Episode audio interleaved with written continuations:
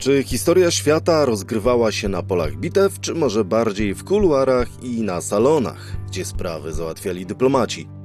Jeżeli tak, to kto był pierwszym polskim dyplomatą? Gdzie i na jakich dworach zabiegał o sprawy ważne dla Polski? Która stolica nowożytnej Europy wieków XV czy XVI była odpowiednikiem dzisiejszej Brukseli? I co mieli tam do powiedzenia wysłannicy polskich władców? Meandry polityki zagranicznej Rzeczypospolitej to temat dzisiejszego odcinka, a naszym gościem będzie profesor Wojciech Tygielski. Ja nazywam się Cezary Korycki i zapraszam na podcast Muzeum Historii Polski Prześwietlenie. Inne historie Polski. Część pierwsza. MSZ w dawnych wiekach. W podcaście Inne historie Polski witam dzisiaj profesora Wojciecha Tygielskiego. Dzień dobry. W którym będziemy rozmawiać o sprawach dawnej dyplomacji i wektorach polityki zagranicznej Rzeczpospolitej Obojga Narodów, można by powiedzieć o Ministerstwie Spraw Zagranicznych Rzeczpospolitej Obojga Narodów. Panie profesorze, dziś spróbujemy się odnaleźć w meandrach wielkiej dyplomacji. Od razu zapowiadam, że w tym odcinku troszkę będziemy mówić o Janie Dantyszku, który ostatnio był ogłoszony pierwszym polskim dyplomatą wysłanym 500 lat temu w poselstwo do Londynu, ale to nie do końca jest prawda i to nie chodzi o to, że takiego miasta jak Londyn nie ma, parafrazując e, słynny polski film. Chodzi o to, że Dantyszek nie był pierwszy, bo troszkę w, tym, w tej rozmowie o Dantyszku zapominamy o takiej postaci jak Paweł Wodkowic, a jeszcze wcześniej o różnego rodzaju dyplomatach wysyłanych w to najcentralne miejsce średniowiecznej Europy, czyli do papiestwa do papiestwa, które wtedy w środku średniowiecza, powiedziałbym, było ulokowane w Awinionie, co dodawało e, tej całej dyplomacji pewnej specyfiki. Ale e, wspomniał Pan e, jak najsłuszniej o Pawle Włodkowicu. Paweł Włodkowic to postać, która no, wyprzedza chronologicznie Jana Dantyszka znacznie, bo Włodkowic to jest postać żyjąca na przełomie XIV i XV wieku, bardziej w XV, ale jednak na przełomie. I to jest wybitny prawnik, rektor Uniwersytetu w Krakowie, nie mówię Jagiellońskiego świadomie, bo ta nazwa jest dużo późniejsza, więc Akademii Krakowskiej, który ma za sobą znakomitą edukację europejską w Pradze, w Padwie, bywał w kurii rzymskiej, ale jego główne zasługi wiąże się z Soborem w Konstancji. Przypomnę, to lata 1414-1418, gdzie między innymi stawała kwestia sporu, jaki toczyliśmy wtedy z krzyżakami. No i w tym momencie działania dyplomatyczne tak znakomitego prawnika były po prostu nieocenione. On bardzo pomógł w tych trudnych negocjacjach, bo oczywiście krzyżacy mieli silne wsparcie europejskie, więc ja jemu bym przypisywał pierwszeństwo, jeśli chodzi o. Znaczy, nie jestem za takimi rankingami, ale, ale na pewno był to wczesny polski dyplomata, e, zakładając, że jest dla nas jasne, co to znaczy e, dyplomacja. Jeśli się umówimy, że jest to forma e, kontaktów międzynarodowych czy prowadzenia polityki międzynarodowej przy pomocy środków pokojowych, no to Włodkowic jak najbardziej tutaj się, się mieści w tym gronie i w tej definicji a wspomniane papiestwo awiniońskie kojarzy mi się najbardziej ze staraniami o właśnie utworzenie Uniwersytetu w Krakowie, bo to wymagało, żeby uniwersytet był pełnoprawny, musiał mieć wydział teologiczny, a żeby takowy posiadał, musiał mieć aprobatę e, papieską i tę aprobatę myśmy uzyskali dzięki działaniom dyplomatycznym. Znowu pewne działania polityczne, jak najbardziej pokojowe, oddziaływanie na jakieś ważne podmioty europejskie. Więc w tym sensie wydaje mi się, że ta polska dyplomacja jest na pewno starsza niż E, Dantyszek. No właśnie, ów Dantyszek był ostatnio celebrowany. W 2022 roku mieliśmy 500-lecie poselstwa polskiego do Londynu. Jakkolwiek można się zastanawiać, dlaczego ten Londyn 500 lat temu dla Rzeczypospolitej miał jakiekolwiek znaczenie.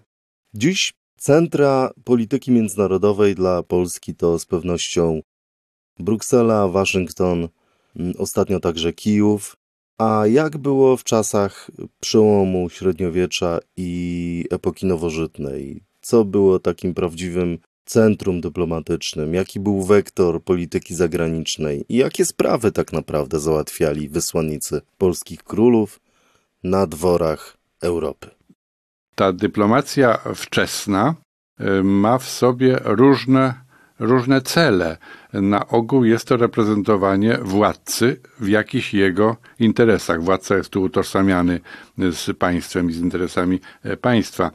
Więc do takich oczywistych działań, jak e, właśnie e, jakieś koncepcje matrymonialne, realizowanie takich koncepcji matry- matrymonialnych, dorzuciłbym takie powody, jak na przykład udawanie się, to już w czasach elekcyjnych, królów elekcyjnych, po wybranego władcę, e, albo po poślubioną królową.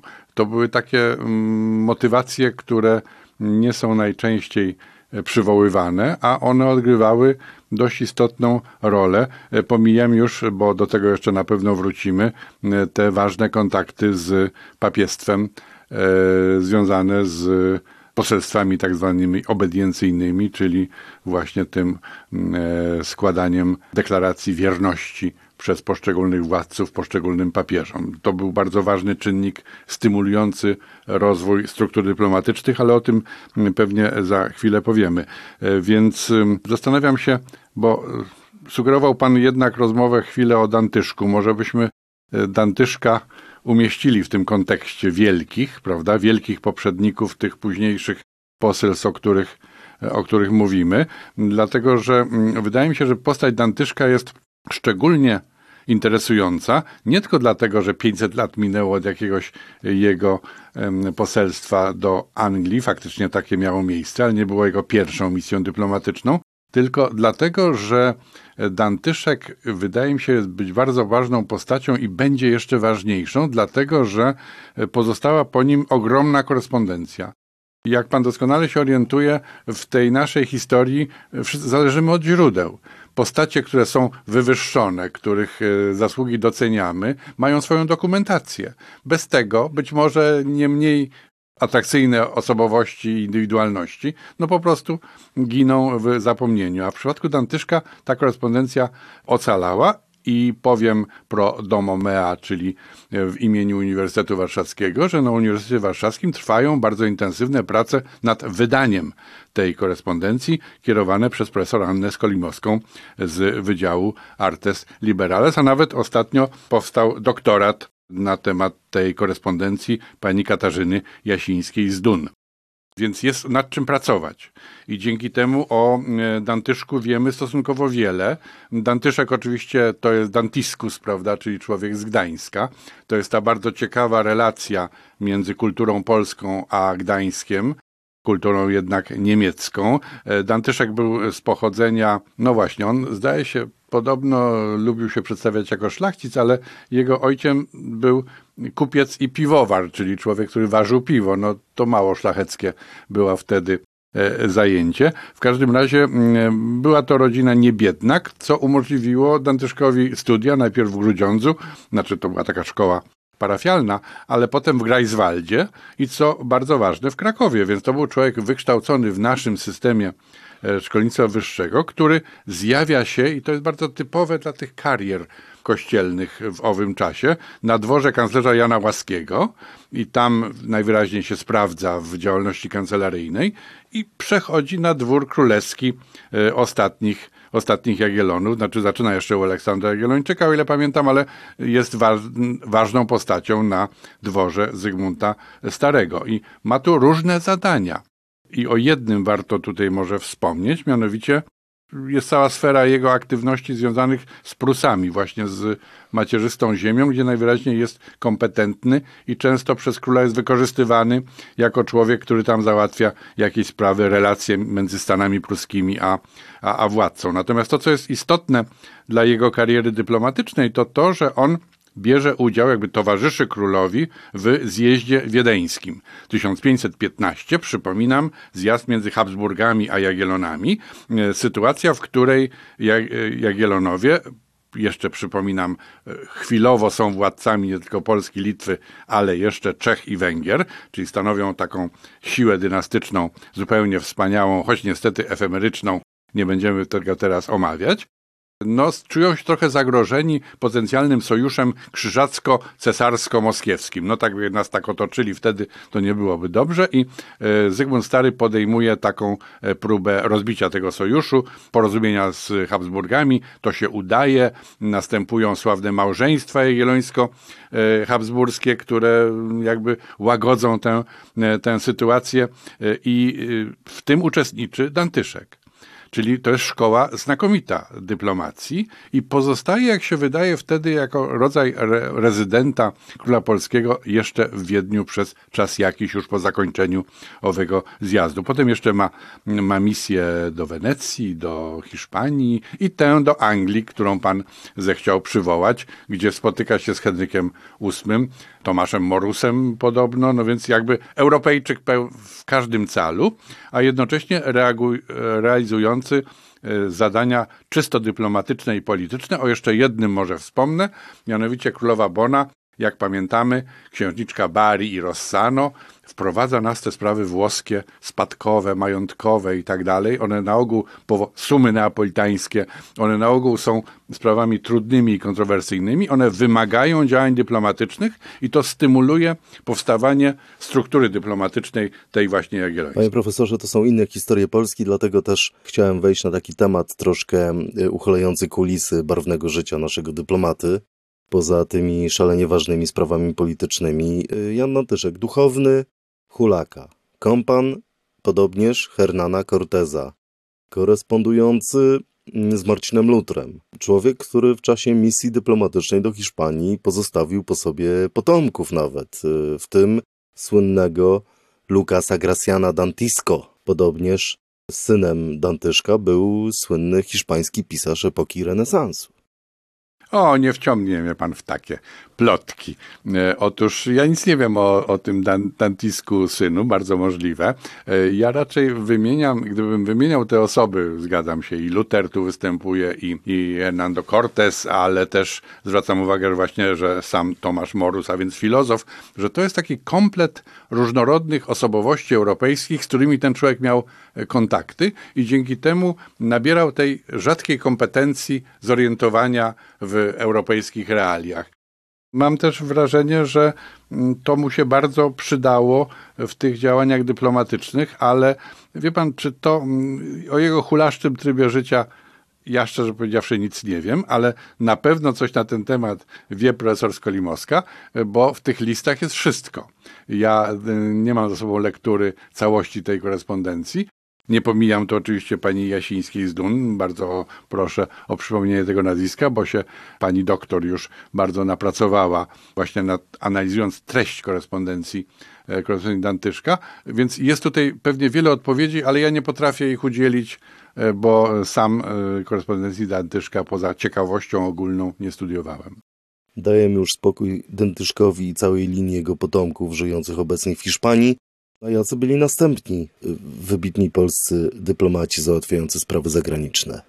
No, to jest długa lista y, i jest właśnie pytanie, na ile to są ważne konkretne osoby, a na ile jest ważny kontekst polityczny, który jest realizowany. Ale ja bym powiedział, że warto wymienić tutaj na pewno takich rezydentów polskich w Rzymie. Ja do tego Rzymu ciągnę odruchowo, bo to jest takie, taki przykład znakomity, testujący fazy działania i metody działania dyplomacji. Otóż w Rzymie na przykład przez lata w XVI wieku rezydował niejaki Jerzy Styczyna. Jerzy Styczyna, od razu chcę powiedzieć, który pisał bardzo ciekawe listy do biskupa Marcina Kromera, które to listy wydał, a i na szczęście przetłumaczył przed laty Jerzy Akser, za co mu jestem wdzięczny głęboko. Otóż to było świadectwo, że potrzebujemy stałego informatora kompetentnego w kurii rzymskiej. Czy byli tacy sami w innych stolicach? Nie mamy tego E, pewności, ale ten Rzym na pewno był tutaj takim miejscem stymulującym. Dalej sam wspomniany biskup Kromer przez pewien czas pełnił taką funkcję rezydenta w, e, w Rzymie. A jeśli chodzi o takich dyplomatów, dyplomatów, którzy przyjeżdżają wyraźnie z jakąś misją, no to wymieniłbym jeszcze kanclerza Jana Ocieskiego, który w latach 40.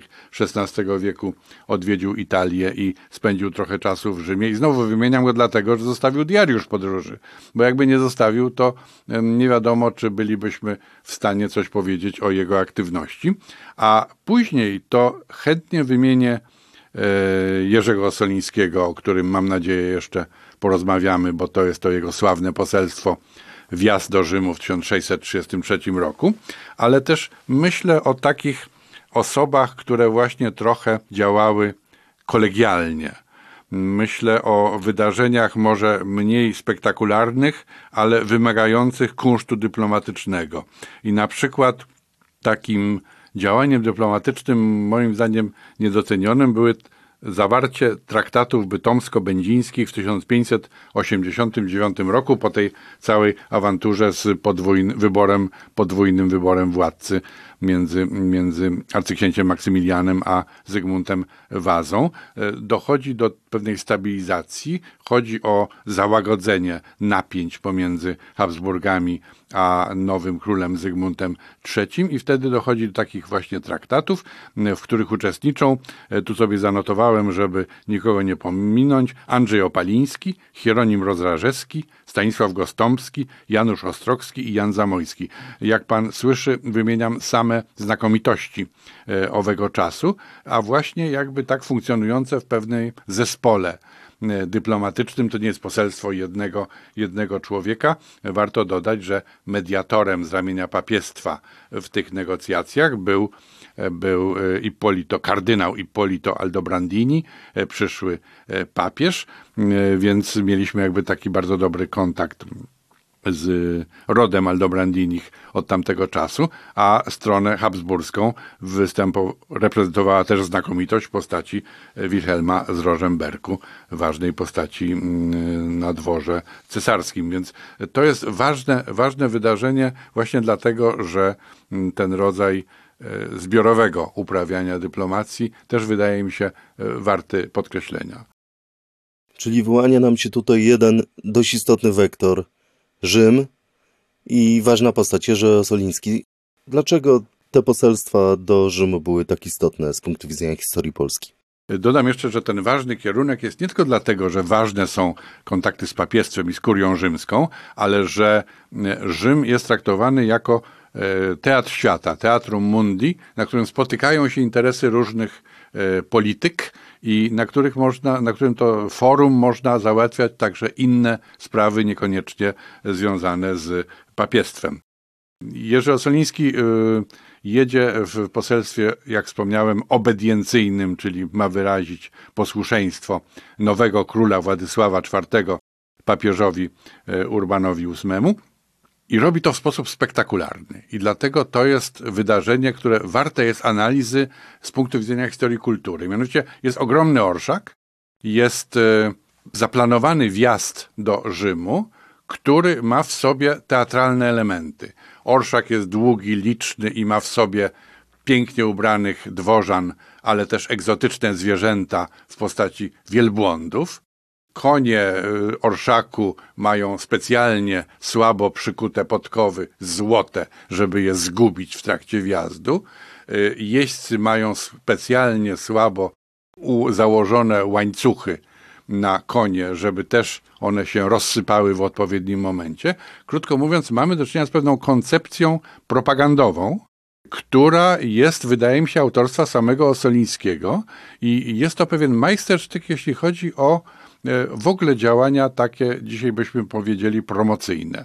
Dlatego, że e, w czasie tego wjazdu i przed, i zaraz po, wychodzą w Rzymie e, takie druki ulotne, które opisują znakomitość tego wjazdu. Po polsku i po włosku. Dodajmy jeszcze, że organizacja takiego wjazdu to nie było byle co, ponieważ taki zmordowany, przyjeżdżający z Polski orszak, proszę sobie wyobrazić, jak on musiał wyglądać, dojechawszy do Rzymu. Owszem, wjeżdża na chwilę poseł do Rzymu, ale robi to incognito, e, w ukryciu, w zakrytej karecie, spotyka się z papieżem, uzyskuje e, datę tego prawdziwego, oficjalnego wjazdu i wycofuje się do Villa Giulia, czyli pod miejskiej rezydencji e, papieży, gdzie przez tydzień myje się, czesze, pierze i przyjmuje wizyty różnych ludzi, którzy chcą go A powitać, B dołączyć do orszaku, żeby nadać orszakowi jeszcze większą spektakularność. To są zarówno dyplomaci innych państw, jak i Polacy, wszyscy, którzy się jakby mobilizują, żeby pomóc posłowi w tym wjeździe. I następuje ów wjazd, który znamy dzięki mm, szkicownikowi Stefano della Belli, czyli znowu takiemu człowiekowi, który jakby wykonał obrazy fotograficzne, zdjęcia, serię zdjęć, jakby miał dzisiejszy aparat. Cyk, cyk, cyk, cyk. Widzimy poszczególne fragmenty wjeżdżającego orszaku. Mamy literkami napisane, kto gdzie stoi, kto jest kim, kto ma jaki kolor zbroi czy też, czy też ubrania. Więc to naprawdę jest wszystko przemyślane. Jest bardzo ciekawe, moim zdaniem, sprawozdanie Jerzego Osolińskiego z tego poselstwa dla króla. On pisze, tam różne rzeczy opisuje, a potem wjazd się odbył tak, jak to druk opisuje. Czyli on najpierw sponsorował wydanie druku, który jest peanem na cześć tego wjazdu, a potem mówi królowi, żeby sobie przeczytał, nie będzie sam opowiadał o sobie. Czyli jest to naprawdę e, przemyślana działalność propagandowa. Pytanie, czy skuteczna? Pytanie, czy o to właśnie chodziło, żebyśmy na gruncie rzymskim pokazali się jako sarmaci, bogaci, pióropusze, stroje, dziwaczne, ale bogate. Więc dziwaczne czy bogate? Czy to lepiej, czy gorzej? To jest dla mnie pytanie, które wydaje mi się ważne. I e, jest jeszcze kwestia tych, tych wielbłądów, które niektórzy interpretują jako symbol Azji, a więc lądu, nad którym panuje Władysław IV jako car Rosji. Dodajmy jeszcze, że nawet potem, po kilku latach, e, co jest też bardzo ciekawe, wychodzą, wydaje mi się też, Osoliński musiał, tak powiem, maczać tym palce, wychodzą opisy e, jego mów Y, jakie wygłosił do papieża i innych wielkich królów i władców Europy. I jest bardzo ciekawe, że y, na frontyspisie, czyli na tej okładce, pierwszej stronie takiego druku wydanego w Gdańsku w 1647 roku są wielcy narysowani królowie i papież, a przed nimi pochylony poseł, który coś tam im mówi. I w rok później ten sam druk wychodzi ze zmienioną pierwszą stroną, bo ten pochylony E, uniżony mówca zamienia się w wielkiego magnata, który stoi jak niemalże równy z równym dyskutuje z władcami i papieżem. Czyli ten Osoliński cały czas nad tym czuwał, coś mu się nie podobało i w następnym szybciutkim wydaniu zmieniono e, ten frontyspis. To wydaje mi się naprawdę jest ciekawe i kojarzyło mi się potem, jak to zawsze czytałem sobie z naszym problemem okresu transformacji, kiedy myśmy się denerwowali, że wizerunek Polski to jest wierzba płacząca, babcia modląca się, pielgrzymka do Częstochowy i tak było w mediach zachodniej Europy. I chodziło o to, żeby to wreszcie przerwać i zamienić na e, możliwie nowoczesne społeczeństwo. Wracam z tym samym pytaniem do Osolińskiego. Czy Osoliński wiedział, jakie są oczekiwania związane z naszym wizerunkiem, czy chciał go kreować e, i czy mu się to udało? O tyle mu się udało, że miał swoich następców, że to jest nie tylko taki epizod utrwalony w tych rycinach e, Della Belli, ale też w obrazach licznych, budzący e, wyobraźnię. Jest ważny obraz Canaletta, który pokazuje wjazd Solińskiego, a więc e, obraz malowany znacznie później po samym wydarzeniu, ale jest też poselstwo Michała Kazimierza Radziwiła w 1680 roku, który niemalże dokładnie naśladuje działania Osolińskiego. Czyli najwyraźniej ci, którzy uczestniczyli w tworzeniu dyplomacji, byli zadowoleni z efektów tego działania. Ale czy to było skuteczne i na ile przemyślane? Ja uważam, że to był majstersztyk e, propagandowy e, owych czasów. Chociaż oczywiście można było by reagować na to, że po co taki przepych. Dzisiaj też o tym bardzo często myślimy, że przepych nam się kojarzy bardziej ze wschodem, a pragmatyzm i skromność taka dyplomatyczna z Zachodem, prawda? No ale to są już sprawy współczesne i, i późniejsze. A jeszcze może dodam, jeśli pan pozwoli, bo specjalnie przyniosłem e, w związku z Osolińskim taki fragment korespondencji braci Opalińskich. Bracia Opalińscy piszą do siebie, to jest wydane pod tytułem Listy Krzysztofa Opalińskiego do brata Łukasza. Jesteśmy w połowie XVII wieku. Oni są spokrewnieni z kanclerzem Ossolińskim, już kanclerzem e, wtedy. On jedzie do Rzymu jako podskarbi koronny, a, a potem został kanclerzem. I e, Krzysztof Opaliński szykuje się właśnie wtedy, to jest rok 1645, żeby pojechać po królową Ludwikę Marię do Paryża w poselstwie. I e, poselstwo, jak to w naszych realiach bywało, musi być sfinansowane przez zainteresowanego. To sam poseł praktycznie będzie słabo wspomagany ze skarbu koronnego, ale sam musi zapłacić za podróż, orszak i tak dalej. I on będzie oczekiwał nagrody w postaci jakichś dóbr ziemskich, jakie król mu z wdzięczności nada. Jest pytanie, czy to się opłaci. Brutalne pytanie. E, I Opaliński tak nie bardzo wie, czy się na to zdecydować, czy nie.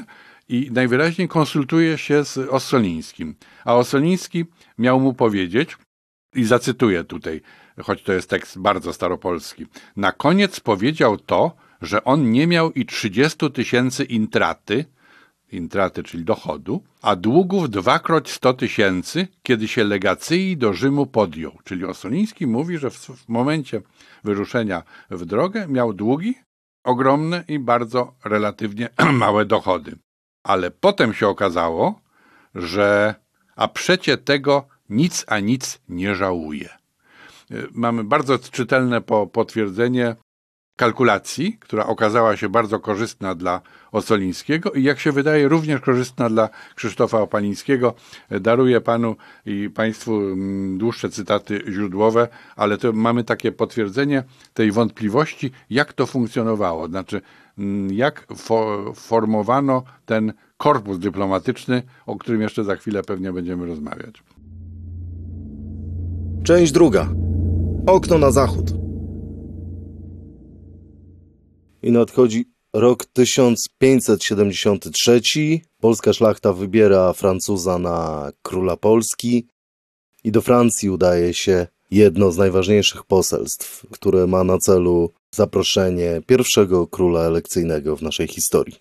A tak, to jest e, ważne wydarzenie, które pasuje moim zdaniem do tego epizodu e, poselstw zbiorowych, bo trudno wyznaczyć e, szefa tego poselstwa, był nim biskup Konarski formalnie, ale tam znowu było grono 16 bardzo ważnych postaci, pośród których pojawia się Jan Zamojski, o którym żeśmy kiedyś rozmawiali, ale jeszcze w fazie bardzo początkującego, młodego, zdolnego polityka. Jest ciekawą sprawą w tym czasie rola języka, w jakim e, porozumieli się ci dyplomaci, czy porozumiewali się ze swoimi francuskimi partnerami. Otóż jest bardzo wyraźnie w różnych relacjach na ten temat, a jest ich trochę, bo samo poselstwo budziło zainteresowanie. Wydarzenie e, jak elekcja Balezego i, i reprezentacja, trzeba przyznać, wyjątkowo dobrze dobrana tego dalekiego wschodniego kraju, e, no budziła oczywiste zainteresowanie. I na co zwracano uwagę? Jak ci Polacy pięknie mówią po łacinie. Czyli mamy bardzo ciekawą e, sytuację kulturową. W Europie wtedy pojawiają się już i zdobywają swoją pozycję języki narodowe. Zaczyna być jakby ta łacina troszeczkę przesuwana na boczny tor, pozostaje językiem uniwersytetów e, i nauki, ale mm, bardzo traci swoją pozycję, powiedzmy, w kontaktach także dyplomatycznych. Natomiast ci nasi mają za sobą porządną relatywnie edukację e, latynistyczną, której Francuzi już nie mają. I oni nagle widzą, że ci, co przyjechali, to właściwie górują nad nimi językowo, na przykład nie rozmawiali po francusku, tylko rozmawiali po, po łacinie. I to wydaje mi się bardzo e, ciekawe, że w jakimś sensie coś, co mogło być uznane za wsteczne, pełniło funkcje takie bardzo e, prestiżowe. I oczywiście to poselstwo nie miało nic więcej do e, zrobienia poza zrobieniem wrażenia. I to temu poselstwu się jak najbardziej e, udało. I zastanawiałem się zawsze nad, nad, nad e, tym, na ile ten skład poselstwa, proszę pamiętać, że nie mamy króla. Nie ma króla, który wysyła to poselstwo. To jest jakiś taki gest zbiorowy. Gest tych, którzy urządzają na nowo naszą Rzeczpospolitą po końcu dynastii Jagiellonów. Czyli to bardzo ciekawe, że, że ci ludzie jakby się orientowali w kompetencjach i w reprezentacyjności e, tych postaci i właśnie Zamojski, em, można powiedzieć, zaczyna swoją karierę między innymi mm, w, ta, w taki sposób. W jednym z poprzednich odcinków, w których gościliśmy profesora Wojciecha Tygielskiego, rozmawialiśmy o tym, jak rodziły się polskie elity, jak powstawała klasa magnatów, która miała w Rzeczpospolitej obojga narodów relatywnie bardzo dużo do powiedzenia. A jak w tym kontekście mm, można ocenić wpływ magnaterii na to umowne Ministerstwo Spraw Zagranicznych? Mówiliśmy o tym, że każda kolejna elekcja kończyła się koncesjami na rzecz szlachty i na rzecz magnaterii, pewnymi ustępstwami króla, aż do momentu, w którym miał on naprawdę bardzo niewiele do powiedzenia. Jak w tym momencie wyglądała polityka zagraniczna? To bardzo trudne pytanie, dlatego że e, najpierw trzeba się odnieść do tego pojęcia owego Ministerstwa Spraw Zagranicznych, którego nie było. Wielki problem e, dziejów dyplomacji w ogóle, i nasza się tu wpisuje e, w ten kontekst, polega na tym, że mamy bardzo różne określenia i różne pojęcia i dotyczące ludzi wykonujących funkcje dyplomatyczne.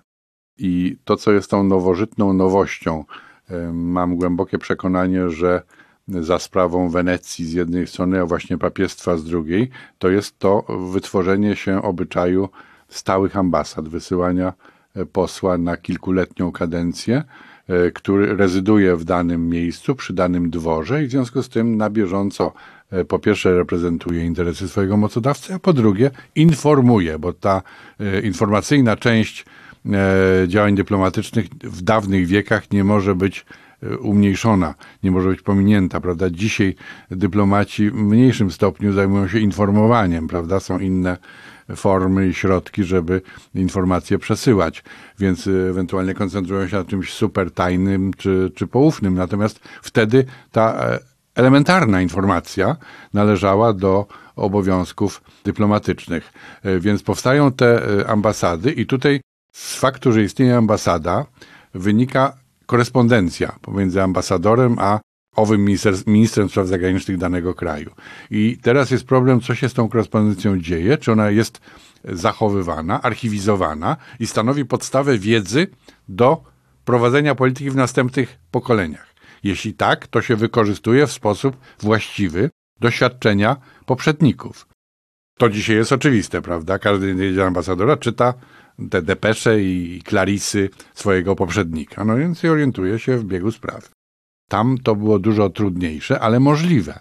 Oczywiście w przypadku papiestwa e, bardzo często te ci wysłannicy, czy też sekretarze stanu, czyli ci kierownicy polityki zagranicznej papiestwa, byli reprezentantami wielkich rodów kardynalskich. W związku z tym bardzo często te listy znalazły się w posiadaniu prywatnym rodów kardynalskich. Ale nie ma co w tej chwili w to, w to wnikać. One jakoś się zachowały i były podstawą do dalszych analiz. W naszym przypadku czegoś takiego nie było.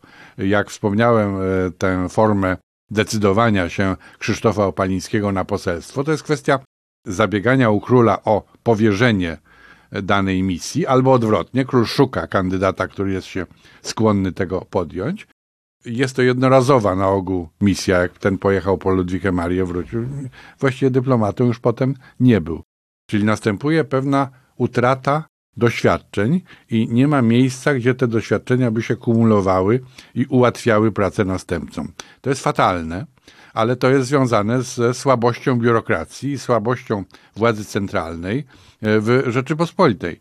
Więc to są takie doraźne działania, z wyjątkiem może jednego epizodu, mianowicie wspomnianych tu mm, powierzchownie przeze mnie sum neapolitańskich, czyli pożyczki królowej Bony dla króla Filipa II, nieoddanych pieniędzy, które staramy się odzyskać. W związku z tym wysyłamy e, posłów, rezydentów dość intensywnie i, i to ma taką namiastkę e, dyplomacji stałej. I drugim elementem, też o nim już mówiłem, to jest ta próba posiadania w Rzymie stałego rezydenta przynajmniej, żeby monitorował, co tam się dzieje. Ale w innych stolicach czegoś takiego nie ma. Są jednorazowe poselstwa, więc nie ma jakby do czego nawiązywać i nie ma tej, powtarzam, bardzo wydaje mi się ważnej kumulacji wiedzy na temat danego kraju i relacji z tym krajem.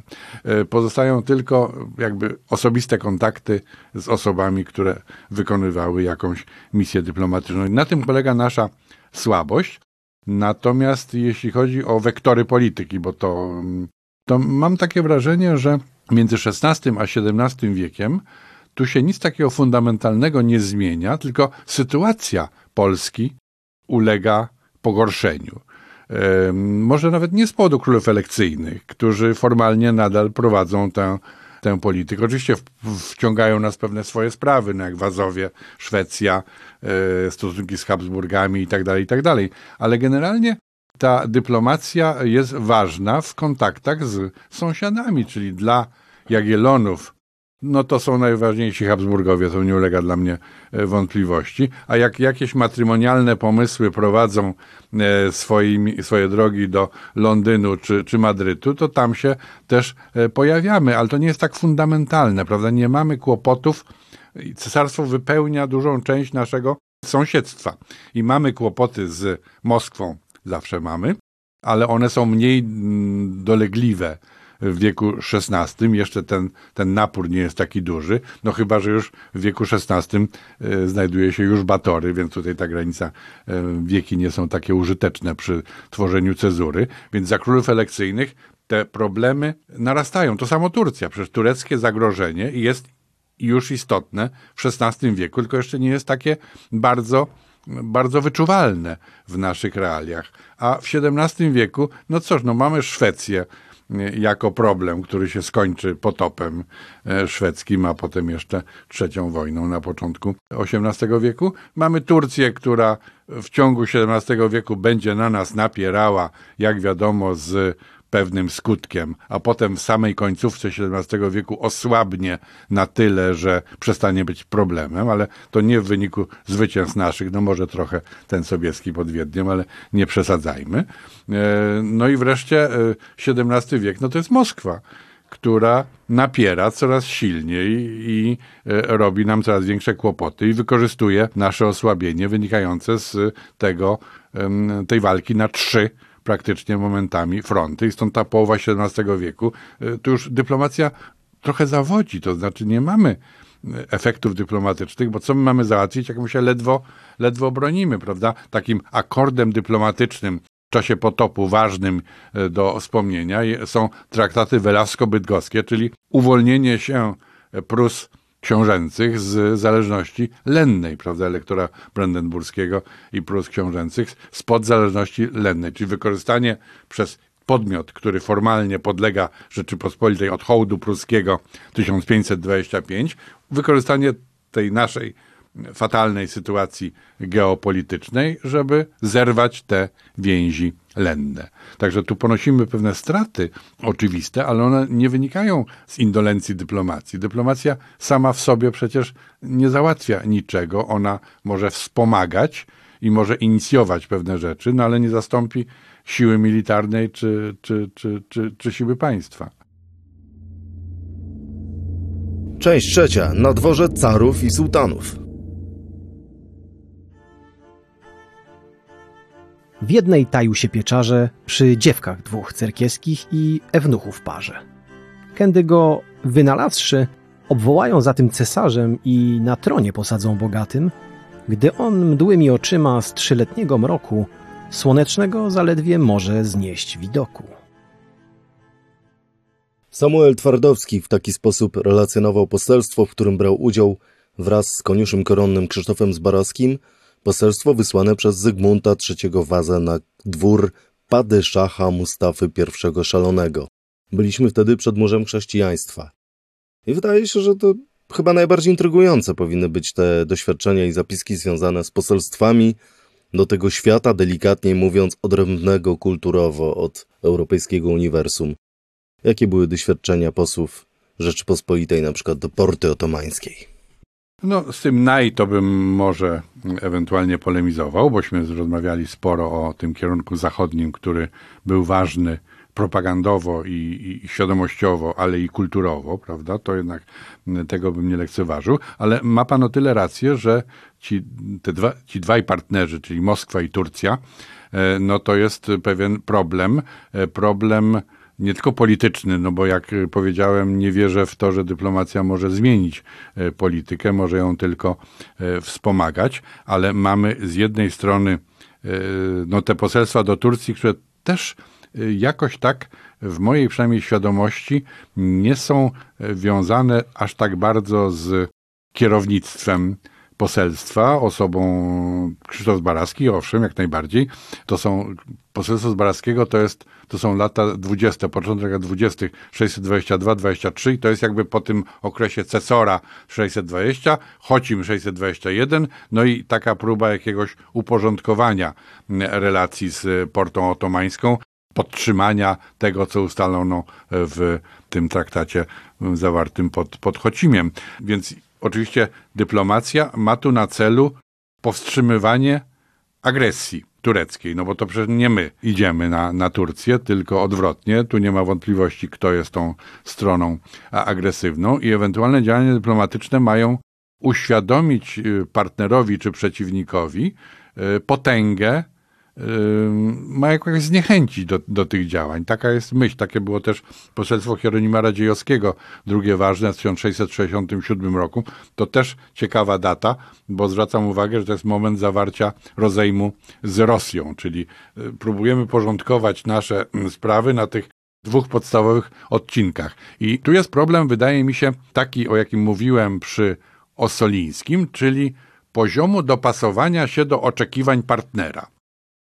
I tutaj my jakby realizujemy oczekiwania partnera, bo wszystkie relacje na temat posel do Turcji mówią, że one były bardzo, bardzo liczne. Ciągnęły się te orszaki, są takie ryciny pokazujące, że się ciągną nieskończone i że uczestniczyło w nich tysiąc, tysiąc pięćset osób. Nawet jeśli to nieprawda, to yy, na pewno podkreślić warto liczebność i wspaniałość tych orszaków. No, mam wrażenie, że i tutaj partner był w oczywisty sposób doceniający e, taką spektakularność, że to miało pokazać, no uważajcie, bo nie byle kto tutaj przed wami staje.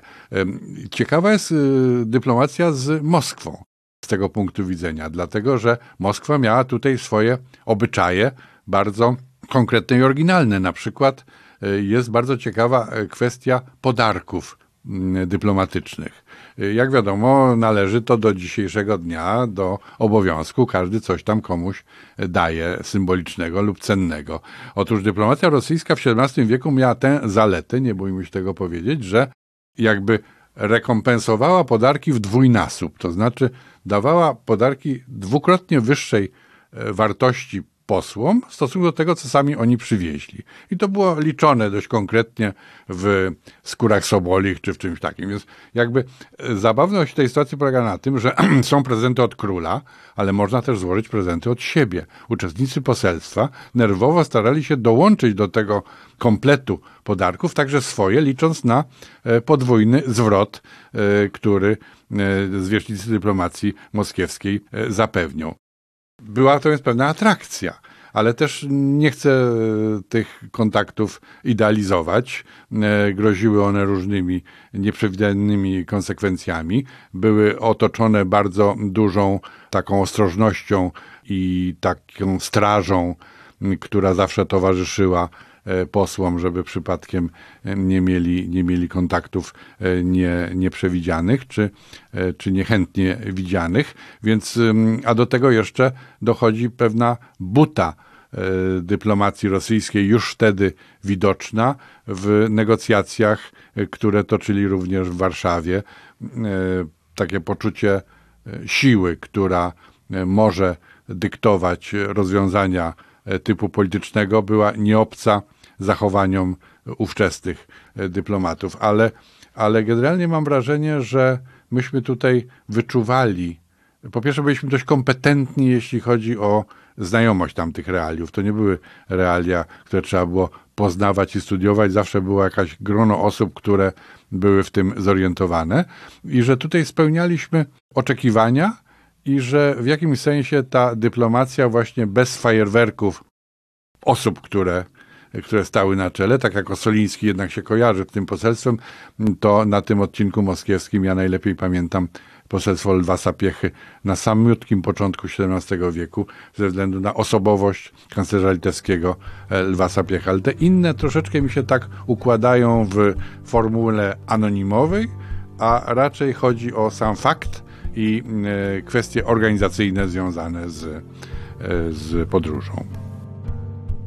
Dziękuję Państwu za wysłuchanie odcinka. Przypomnę, że inne audycje, w których gościłem profesora Wojciecha Tegielskiego, można znaleźć na YouTube'owym kanale Muzeum Historii Polski, w tym przede wszystkim cieszący się ogromnym zainteresowaniem odcinek o Janie Zamońskim, ale także inne, na przykład o historii Sarmacji. Zachęcam wszystkich do subskrypcji kanału. Do usłyszenia! Wysłuchaliście podcastu Muzeum Historii Polski Prześwietlenie. Inne historie Polski. Podcastu możecie posłuchać na YouTube, Spotify, Google Podcast, na Audiotece i w aplikacji Empik Go, a także na innych platformach podcastowych. Chcesz być na bieżąco? Subskrybuj kanał Muzeum Historii Polski.